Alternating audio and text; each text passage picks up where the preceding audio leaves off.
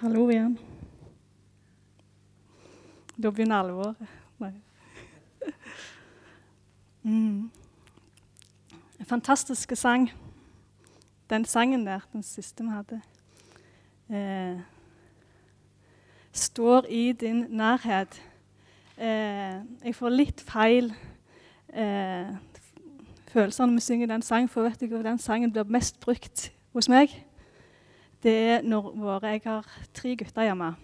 En på snart to, en på fire og et halvt en i første klasse på seks.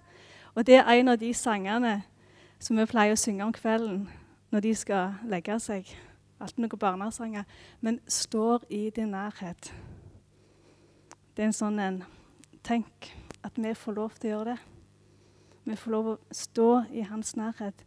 Og de som er små, kan få lov å legge seg, og så kan vi få lov å synge at vi kan stå i hans nærhet. Ikke bare her, dere kan være i hans nærhet. Eh, kunne nesten misforstås vet du, med at jeg skal snakke om David og Goliat, at ungene skulle snakke om påske. Eh, jeg har satt en overskrift som heter 'Gå så sterk som du er'. Så får vi se om det er det dere sitter igjen med etterpå. Jeg vil begynne med å lese eh, Skal vi se Har dere sett den boka før? 'Alltid elsket'. Jeg har lyst til å bare begynne med at dere skal bare sitte ja, sitte rolig. Det gjør dere jo hele veien. Men nå skal dere lytte. Høre veldig godt etter, for nå skal jeg lese, nå skal jeg lese noe for dere. Vi er ikke verdige, men han er det. Det finnes sikkert mange grunner til at Gud ikke skulle kalle nettopp på deg. Men bekymr deg ikke. Du er i godt selskap. Moses, han stammet. Abraham var for gammel. Kong David, han var for ung. Profeten Hoseas hustru var prostituert. Patriarken Jakob var løgner. David hadde forresten også en affære med kona til en soldat som han fikk drept. Kong Salomo han var for rik. Timoteus hadde magesår. Peter var redd for døden. Lasarus var død. Profeten Jonah flykta ifra Gud. Johannes døperen var høylytt. Moses' søster Miriam hun likte å sladre. Gideon og Thomas de tvilte. Profeten Jeremia han var deprimert. Elia var utbrent. Samson han hadde faktisk langt hår. Noah drakk seg full. Moses hadde kort lunte, og det hadde Peter òg. Men Gud holder ikke ansettelsesintervju. Når djevelen sier 'du er ikke verdig', så sier Jesus 'ja, hva så?' Det er jeg. Djevelen retter blikket bakover og ser alle våre feilgrep. Gud han retter blikket bakover, men han ser et kors. Han bryr seg ikke om hva du gjorde i 1985 ikke i 2011 heller. Det fins ikke engang nedskrevet i protokollen. Det er massevis av grunner til at du og jeg er uverdige til å kalles Guds barn. Likevel kan ingenting forandre det faktum at vi er nettopp det, og at vi er elsket av Gud. Jeg hadde bare lyst til å slå i bordet med akkurat den starten det faktum at uansett hva du kan se tilbake på, så er nettopp du elska av Gud. Den rekka av folk som jeg remste opp her, er alle beskrevet mer i Bibelen. Og her snakker det om et kall. Og kall, et stort kall Jeg har grunna og tenkt en del på dette med et stort kall. Hva er et stort kall? For når vi leste om disse her, så hadde de, de gjorde store ting. Et stort kall. Har du et stort kall? Fins der et stort kall?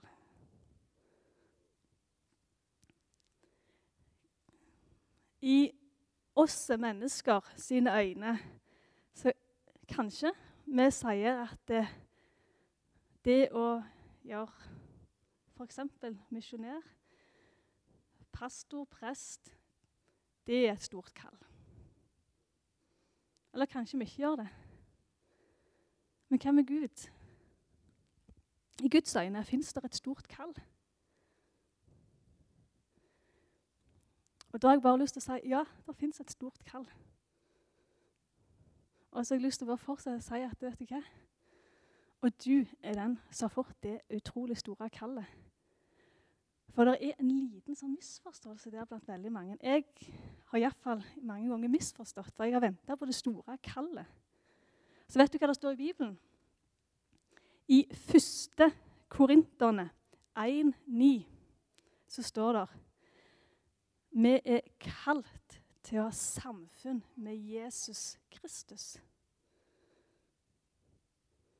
Jesus sa til disiplene, 'Følg meg'. Ikke det er et kall, ikke det er noe de skal gjøre. Men det største kallet ditt, det er at du er kalt til å ha samfunn med Jesus. Og at noen har kall til å bli misjonærer, og at noen Jeg sier ikke at de ikke har det, det må ikke misforstås, for det har jeg virkelig tro på. Men vet du hva? Det kallet kan de ikke ha hvis de ikke tar på alvor kallet med å leve nær Gud. Det er det største. Så når jeg har sittet her og tenkt på dette, så ser jeg liksom for meg en sånn tankerekke der du kan si Mitt første kall er leve nær Gud med Jesus i hjertet. Han døde for meg. Når jeg gjør det hver dag, når jeg lever det livet, så vil Gud legge ned ting som han ønsker at jeg skal gjøre for han. Og så er det kun oss mennesker som sier at det, å, det var et stort kall. Kanskje det at du faktisk det, det du gjør, det er et stort kall, for du gjør det Gud vil. David og Goliat. Første Vi slår opp. Første Samuels bok. Det kommer mer inn på dette her, vet du, etter hvert. Om dette kallet vårt. David og Goliat. Første Samuel 17. Det er veldig langt, så jeg har liksom og vurdert litt fram og tilbake. Skal jeg ta meg tid til å lese hele, hele greia? Eh, jeg skal lese litt sånn, jeg leser ikke alle versene. Jeg skal prøve å være flink med å si hvor jeg er henne.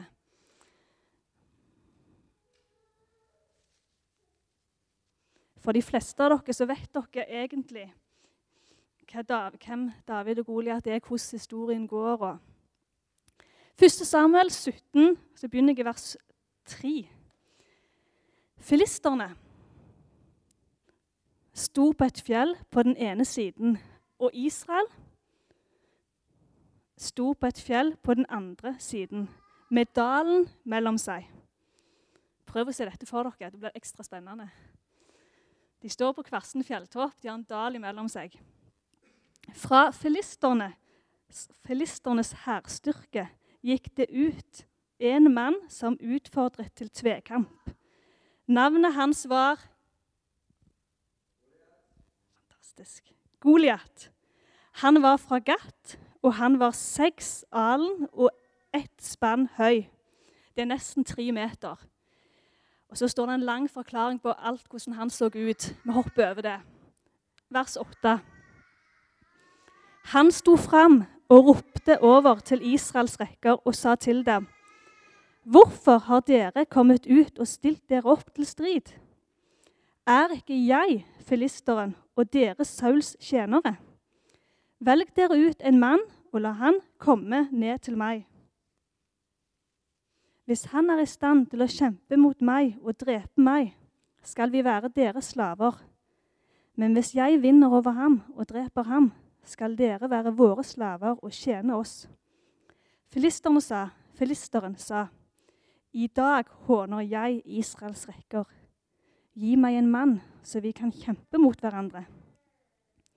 Da Saul og hele Israel hørte disse ordene fra filisteren, ble de forskrekket og veldig redde. David var sønn av en efratitten fra Betlehem i Juda som het Isai, og som hadde åtte sønner. I Sauls dager var mannen gammel og langt opp i årene.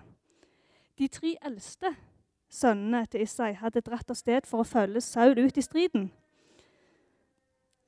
Navnet på de tre sønnene hans som sto ut i krigen, var Eliab, den førstefødte. Etter ham kom Abinadab, og den tredje var Shamma. David var den yngste. De tre eldste hadde fulgt Saul. Men David vendte fra tid til annen tilbake fra Saul for å gjete sauene til sin far i Betlehem. Filisteren nærmet seg og stilte seg fram både morgen og kveld i 40 dager. Ser dere for dere dalen? Israelsfolket på den ene sida, filisterne med denne her, tre meter høye mannen. Morgen og kveld i 40 dager kom han fram håne den levende Gud. Hvem tør å komme til kamp mot meg? Vers 17. Da sa Isai til sin sønn David.: Ta med en efa tørket korn og disse ti brødene til dine brødre, og løp til dem i leiren med det. David var hjemme hos faren, og så sier faren, 'Spring til brødrene dine.' Og så la de få denne maten ifra meg. Så hopper vi ned til vers 20. Morgenen etter så sto David opp, tidlig opp. Overlot, overlot sauene til en gjeter og tok alt det han skulle ha med. Deretter dro han av sted slik Isai hadde befalt ham. Han kom til leiren akkurat da hæren var på vei ut i stillingene, og de ropte krigsropet. For Israel og filisterne hadde stilt seg opp, fylking mot fylking. David etterlot forsyningen, forsyningene sine i forvaring hos proviantforvalteren, løp ut til hæren og kom dit og hilste sine brødre, brødre med fred. Mens han snakket med dem, se, der kom han som utfordret til tvekamp, filisteren fra Gat, Goliat ja, han som het Goliat, han kom opp fra filisternes fylking, og han talte de samme ordene som før. Slik hørte David dem. Alle Israels menn flyktet da de fikk se mennene.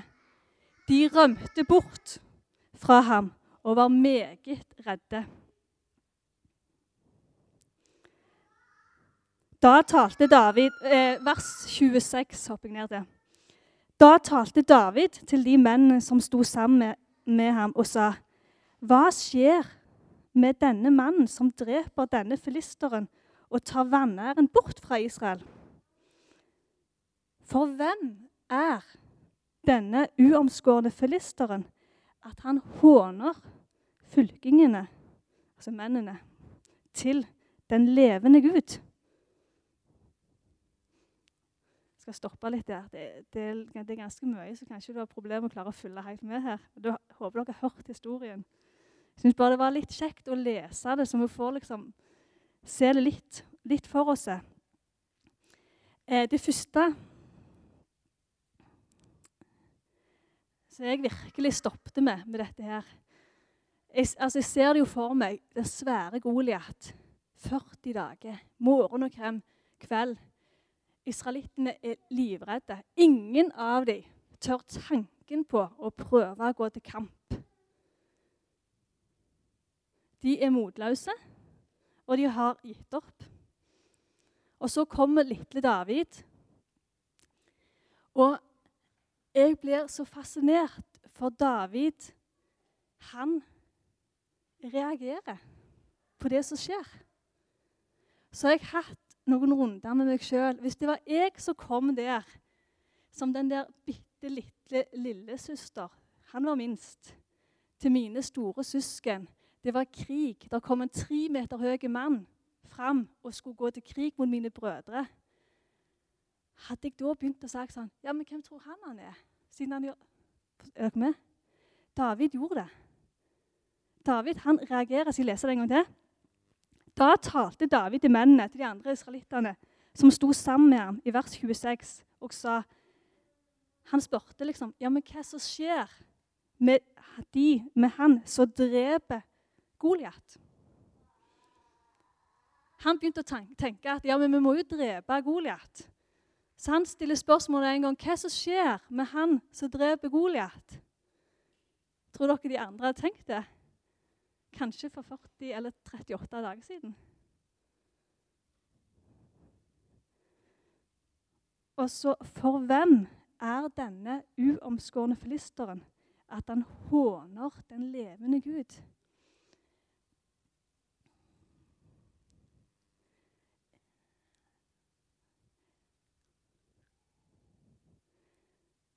Jeg blir sånn Oi! Det er noe med David som gjør noe med min lengsel etter Gud. For når David kommer og ser urettferdigheten overfor Gud David ser at her kommer der en mann, og han håner min David, min Gud. Så reagerer han. Og så begynner han å tenke vi må gjøre noe. Og da har jeg tenkt, tenkt David han må virkelig vite hvem Gud er.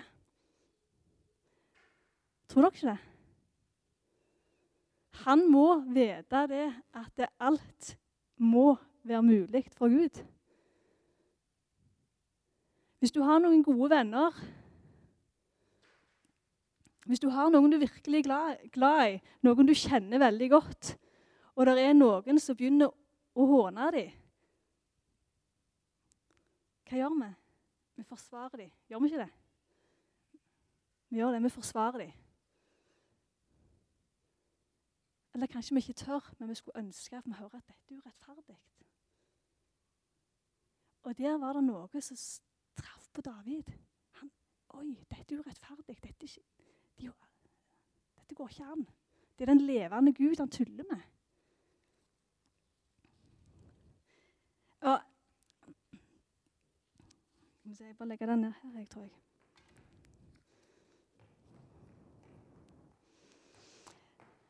Vers 32 så står det Da har kong Saul han har hørt rykter om at David kom at David reagerte. Så kong Saul har kalt inn David. Vi leser hva som skjer når David kommer inn. Da sa David til Saul Ingen i vers 32 jeg nå, ingen av mennene må miste motet av ham. Din tjener vil gå og kjempe mot denne filisteren. Saul, kongen, sa til David, du er ikke i stand til å gå imot denne filisteren og kjempe mot ham, for du er en ungdom, og han er en stridsmann fra sin ungdom av.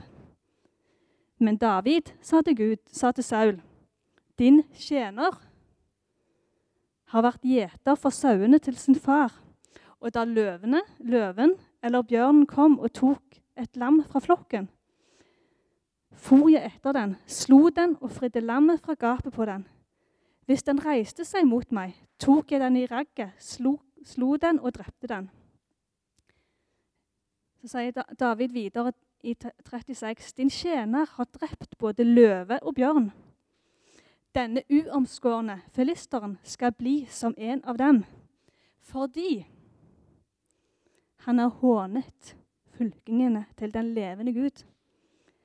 David fortsatte å tale. Herren som fridde meg ut fra løven og bjørnens grep, han skal fri meg ut, fri meg ut fra denne filisterens hånd. Da sa Saul til David, gå, og Herren skal være med deg. Vers og videre så står det hvordan David tar på han hele rustningen.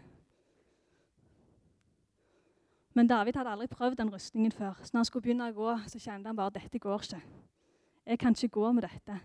Han tok av seg hele rustningen. Han tok staven sin i hånda, plukte med seg fem steiner til denne slynga si, og så gikk han ut.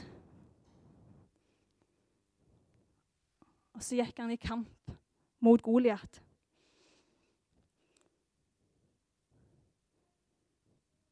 Og så vet vi hva som skjedde.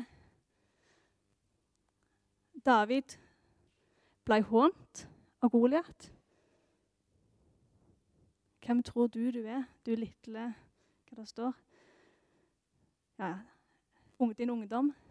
Han tok én stein og sendte han så han traff han midt, imellom, midt i pannen. Det er ikke en tilfeldighet at han slo han rett i pannen. Det er en gudfeldighet, for Gud var med han. Og så Hvis du leser videre, så ser du at det er ganske grotesk. For Goliat han datt, og David gikk bort. Han tok sverdet. Vet dere hva han gjorde? Han tok sverdet til Goliat, for David hadde ikke sverd med seg, og skar av han hodet. Det er Bibelens fine budskap. Der var det Goliat død med sitt eget sverd, for David hadde ikke sverd. Jeg sier ikke 'amme' nå, for det var ikke slutt helt der. Jeg må få kontroll på disse.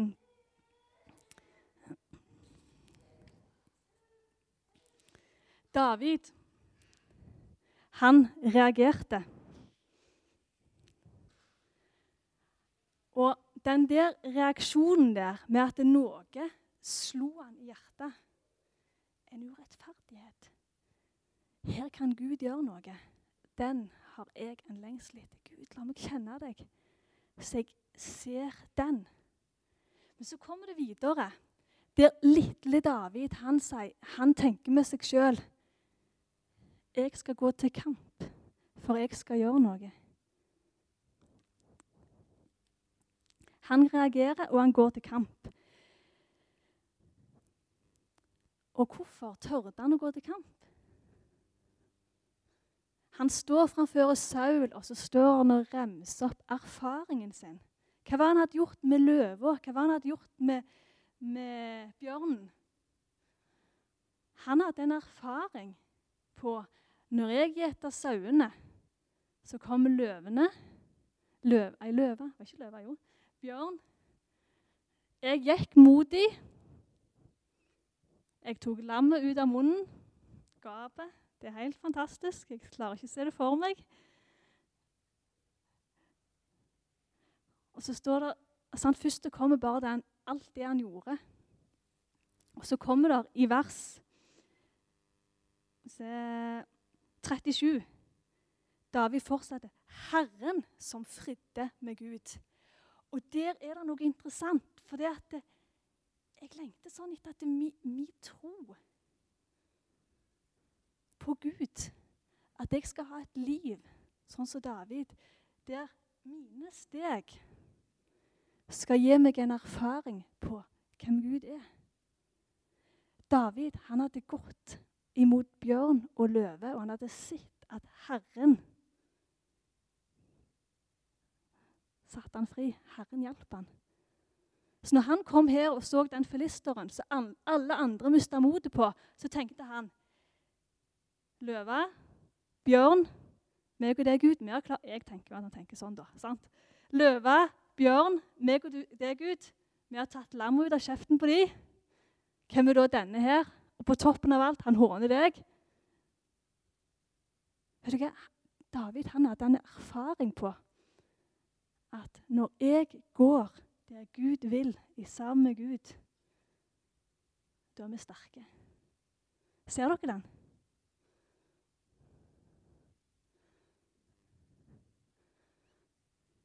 Og det kjenner jeg sånn i mitt hjerte. Å, Gud.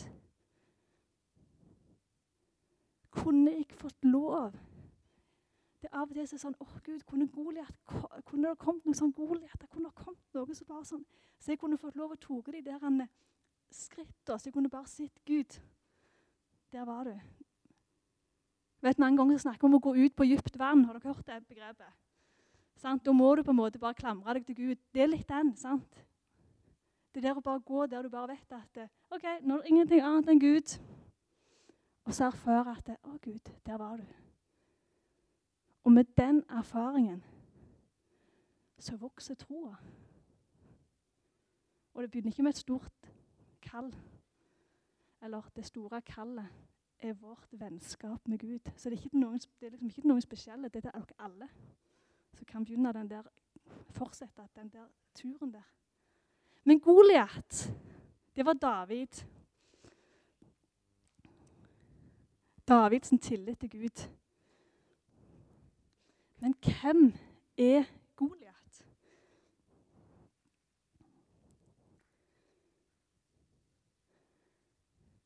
Jeg eh, tror ingen av oss har sett en tre meter svær mann som har stått som en skrekk framfor oss og vært en store Goliat.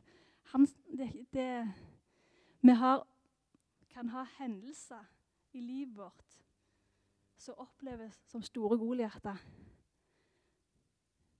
Men for meg så er det faktisk noe, en annen brikke. som er den Goliat jeg kanskje jobber aller mest med. Nå lurer dere nok veldig på hva det er for noe. I Efeserne De som har Bibel, kan få lov å slå opp i Efeserne 6.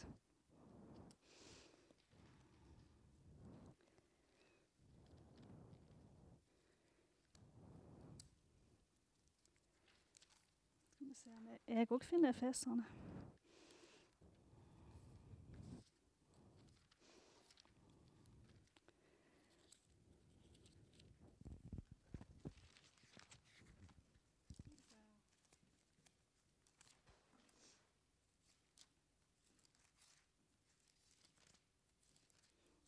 Tror det hadde falt ut fra min bibel.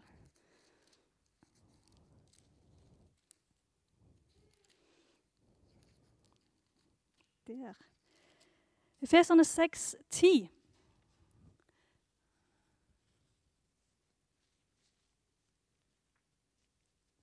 Hele Guds rustning. Lite paradoks, for David han gikk uten rustning. Han gikk så sterk som han var. Det er der det, egentlig det der har blitt sånn Han skal snakke litt om den styrken. Jeg skal prøve å huske å komme inn på den på slutten. Hva den styrken er. Men her er det snakk om Goliat og det med rustningen for Goliat. Han hadde rustning. Og en rustning det kan vi òg få lov å ha når vi går i møte Goliat. Vi skal altså lese vers 12. Efeserne 6, 12. For vår kamp er ikke mot kjøtt og blod men mot maktene, mot myndighetene, mot verdens herskere i denne tidsalderens mørke. Mot ondskapens åndelige herskere i himmelrommet. Vet du hva? Der kommer min Goliat.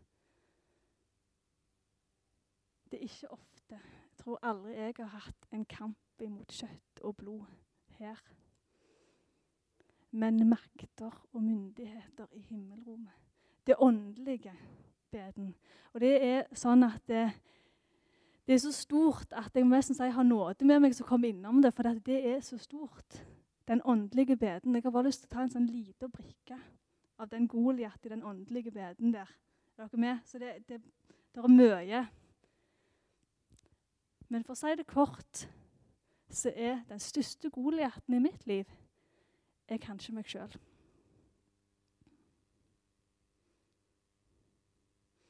Bare svelg noen ganger på den og tenk litt på den. Hvem er den største Goliaten? Det er ikke sikkert du er enig med meg, men nå når jeg har hatt noen runder med, med dette her, så kjenner jeg at jeg min Goliat. Den aller største, den som møter meg hver dag. På alle mine valg. Det er vel kanskje meg sjøl.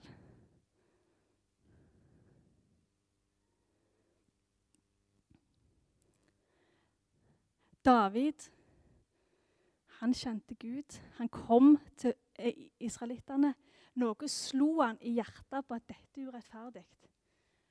Men meg og deg Om du sitter her inne, eller du sitter på bussen eller ute på gata, det kan du velge sjøl. Vær med i dette eksempelet. Det slår deg i hjertet der du er.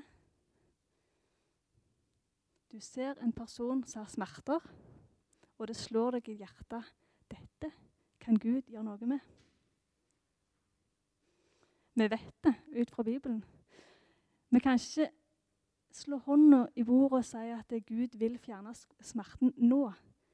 Men vi vet at når vi ber, så er Gud der. Og han ønsker å helbrede. Og Det er et stort tema det òg, med hvorfor han ikke alltid gjør det. Men poenget er at det er en, en person som har smerte. Det slår deg i hjertet. Forstår dere hva jeg mener da? Når du på en måte bare sånn Oi.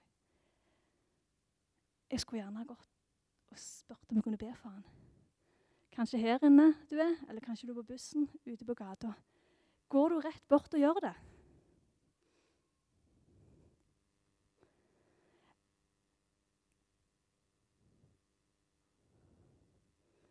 Jeg skal ydmyke meg og si at det, eh, det går tanker gjennom dette topplåget før jeg gjør det. Og noen ganger er jeg så feig at jeg gjør det ikke. Er det en Goliat, så stopp meg. Jeg velger å kalle det det. Det er en kamp å ta for, sant? Og hva er dette her som kommer der? Vi er veldig forskjellige mennesker. veldig forskjellige. Så det at det, Nå må jeg bare ta litt ifra på en måte min, min verden. Så, så, så, må du tenke litt for deg.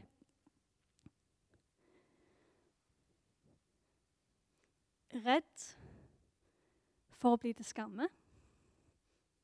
Hva vil de andre tenke hvis du reiser deg opp og går bort? Du kan bli avvist, og det er smertefullt. Hvis du kommer bort til venninna di her inne og sier 'Skal jeg be for deg? Jeg ser du har vondt.' Nei, du trenger ikke det. Oi, var det dumt det jeg gjorde? Skulle ikke gjort det? Var det ikke Gud? Sitt ned på. latterliggjort.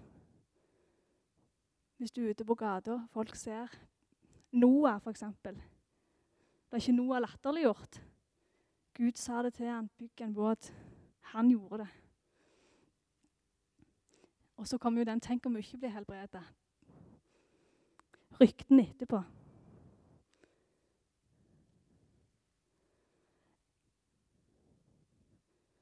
Det, David han må ha sett noe, for han bare gjorde det. Og jeg har sagt til Gud Jeg har stilt spørsmål til Gud, og det er Gud, kan du stole på meg? Det er å vri hele greia for om jeg skal stole på Gud. Men Gud, har du tillit til meg? Kan du stole på meg? Og med det så tenker jeg Gud må ha tillit til David. Han stolte på David. Jeg tenker iallfall han gjorde det. Men det er Gud Jeg ønsker sånn å være den personen som når noe slår meg i hjertet, så skal det som reiser seg av tvil, av tanker på at åh, jeg skal ta sverdet opp og kjempe imot og gå. Jeg vet ikke hvordan det er med deg, men der er jeg. Og jeg vet Bibelen sier vi skal ikke bli satt over større enn det vi klarer. Dette er veldig mitt, altså det er ikke ordrett. bare som dere. Vi skal ikke bli sett over større ting enn det vi klarer sammen med Han. Han vil legge ordene i munnen vår. Det føles absolutt ikke alltid sånn. ingenting er umulig for Gud.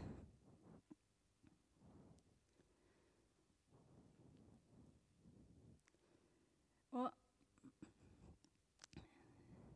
jeg begynte jo med å snakke om at det er ikke det der store kallet. David kan si at det var det store kallet å gå mot Goliat. Godt gjerne si det. Det er ikke det store kallet jeg tenker på nå. For meg så handler dette her med Goliat de der hverdagslivet. Det der å formidle Gud hver dag. Det å tørre å ta opp kampen hver dag. Og skal, Vi skal gå tilbake i Efeserne. For det sto i det verset at Vi skal lese videre etter vers 12. Så kommer vers 13. Ta derfor Guds fulle rustning på, for at dere kan være i stand til å stå imot på den onde dag, og å bli stående etter å ha vunnet seier i alle ting. Stå derfor faste, med sannheten ombundet om livet, iført rettferdighetens brynje, og ombundet på føttene med den beredskap til kamp som fredens evangelium gir. Ta framfor alt troens skjold. Med det er dere i stand til å slukke alle de brennende piler fra den onde. Og frelsens hjelm og åndens sverd, som er Guds ord. Og be hver tid og stund med all bønn og påkallelse i ånden. Og slik skal dere være våkne med all utholdenhet og påkallelse for alle de hellige. Vi skal være våkne, for det er en kamp. Og det er en åndelig kamp. Og Her er Bibelen utrolig sånn fascinerende med den rustningen. Her går han, går han så klart gjennom hvor viktig det er å beskytte oss sjøl. For jeg ga dere en liten med hvem min Goliat er. Og jeg har et ansvar. Jeg har et ansvar for å Skulle det si passe på meg sjøl. Ta et oppgjør med ting. Tørre å ta de stegene ut forbi min komfortsone.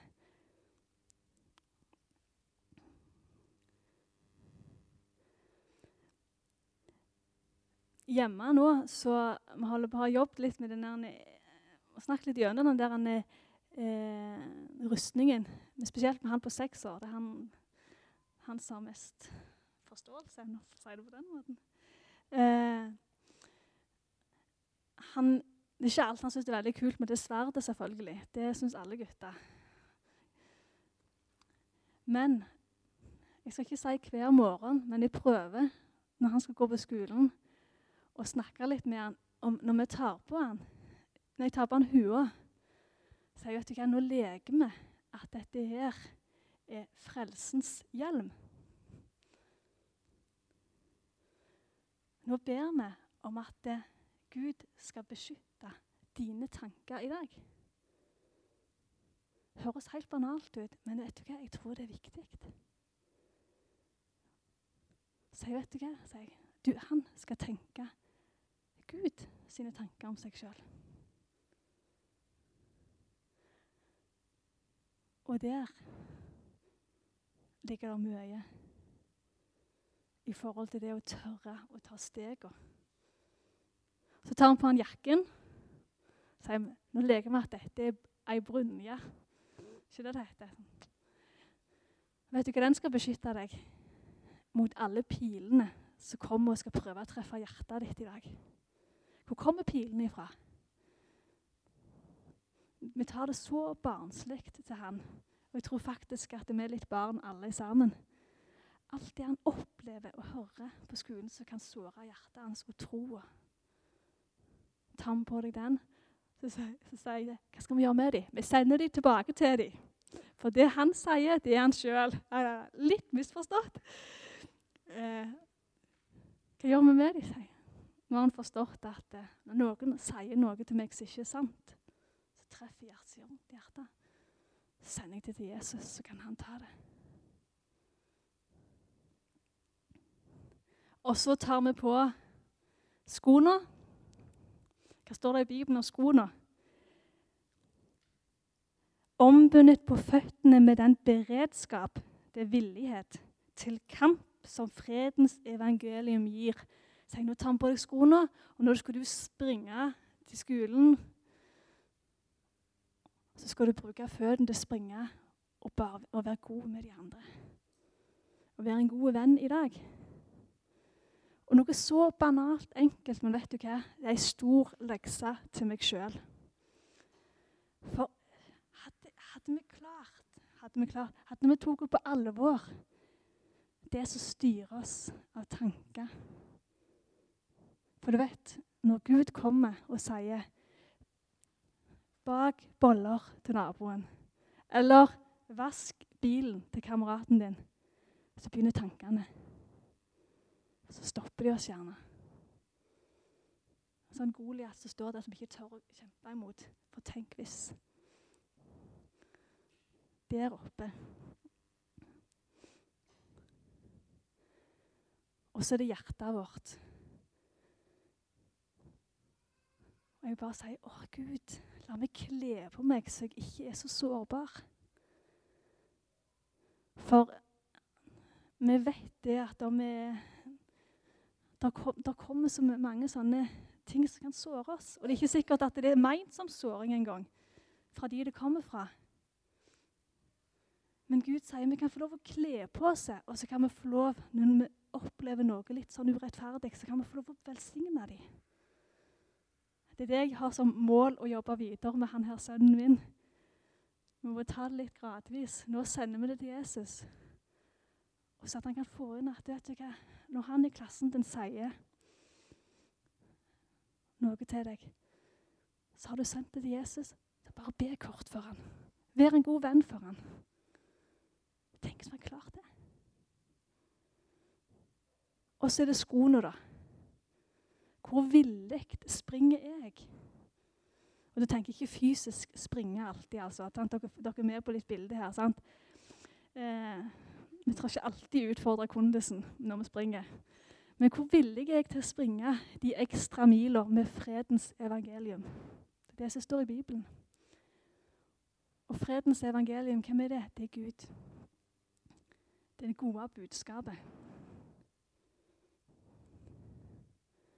Er jeg til å stole på Gud? Gud kan. Jeg kan ha tillit til deg. Men når jeg kommer hjem til himmelen,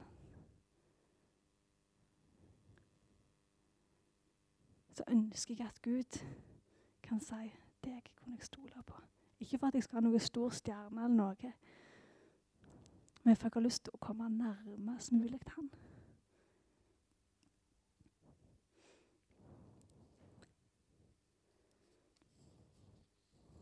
Jeg har skrevet i 'ikke bortforklar' det som faller inn i tankene. Jeg syns det er litt sånn Men nordmenn tenker så fort at ja, ja, de klarer det sjøl. Din største oppgave, ditt største kall, det er å leve nær Han.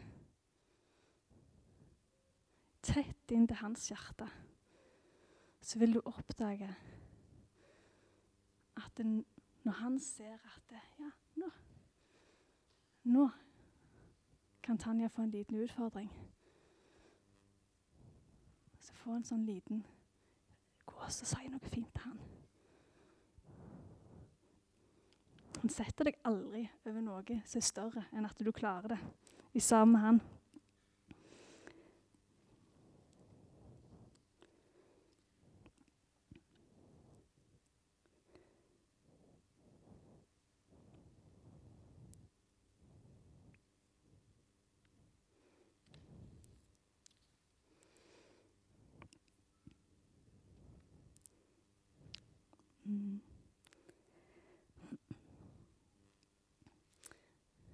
Det står i en plass i Bibelen at det, meg og deg, hvis du har sagt ja til Han, så er du fylt med hele Hans fylde. Alt frelse i Han. Gå så sterk som du er.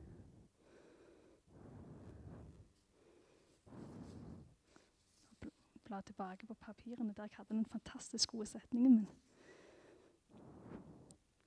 Og med, det, med den der gå så sterk som du er, så handler det ikke om styrke i muskelkraft.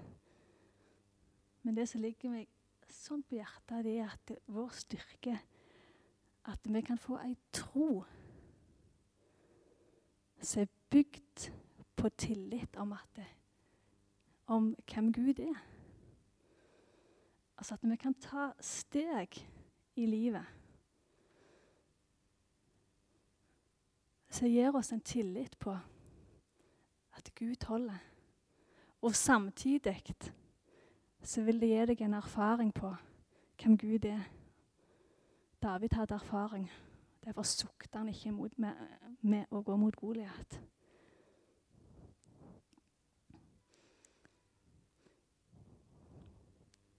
Jesus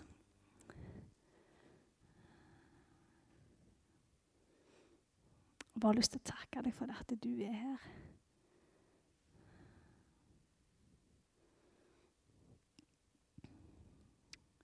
Jesus, takk for det at uh, du kjenner meg.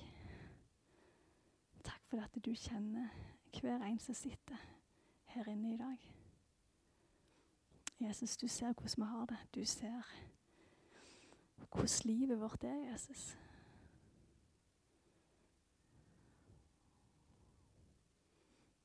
Og Jesus, du ser Når jeg snakket om for min del, så er det Goliat en utfordring som møter meg i mine egne tanker på å tørre. Men Jesus, jeg ber om at du skal vise hver enkelt her inne hvem er vår Goliat? Hvem er min Goliat? Ikke for at vi skal bli skremt, men som vi sammen med det kan få lov å erfare at du, Gud, du vil glatt La oss erfare at vi kan kjempe imot Goliat. For du er den levende Gud.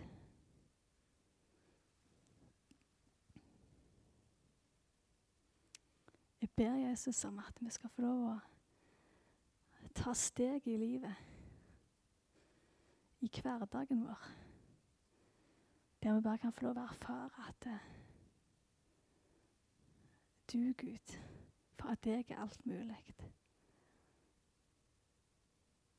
Jesus, hjelp oss å ta steg, så vi kan få lov å bygge vår tillit til deg.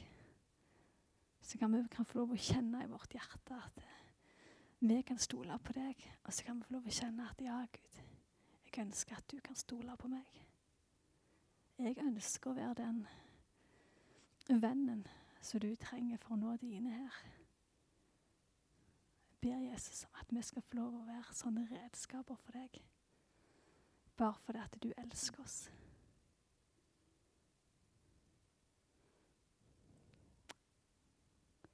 Takker deg for din fred.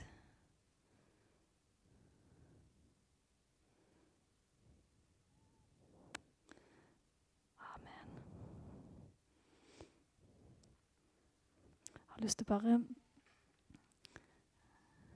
Jeg har sagt ammen, og så fortsetter jeg. Det er veldig lurt. Uh, jeg bare kjenner sånne jeg bare tenker sånne barn Jeg håper at du klarer å gripe det til det der enkle. For det om David gikk imot en ekstrem Goliat, så er ditt store kall å leve hverdagslivet med Jesus. Det er det store kallet. Så er det å ta de stegene der du bare ser at Gud er med meg.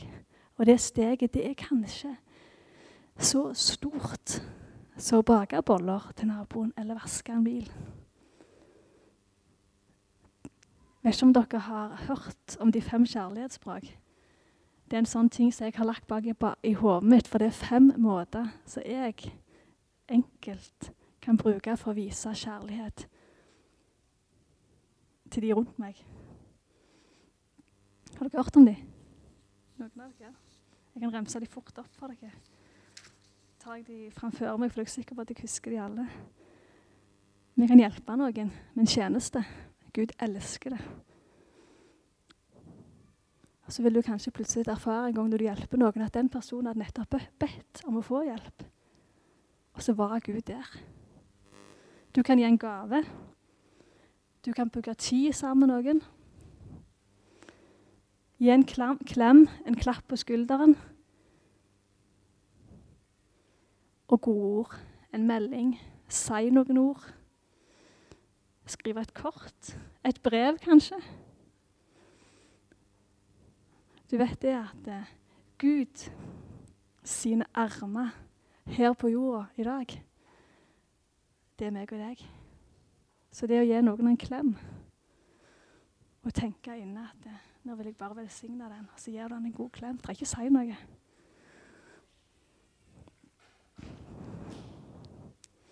Amen.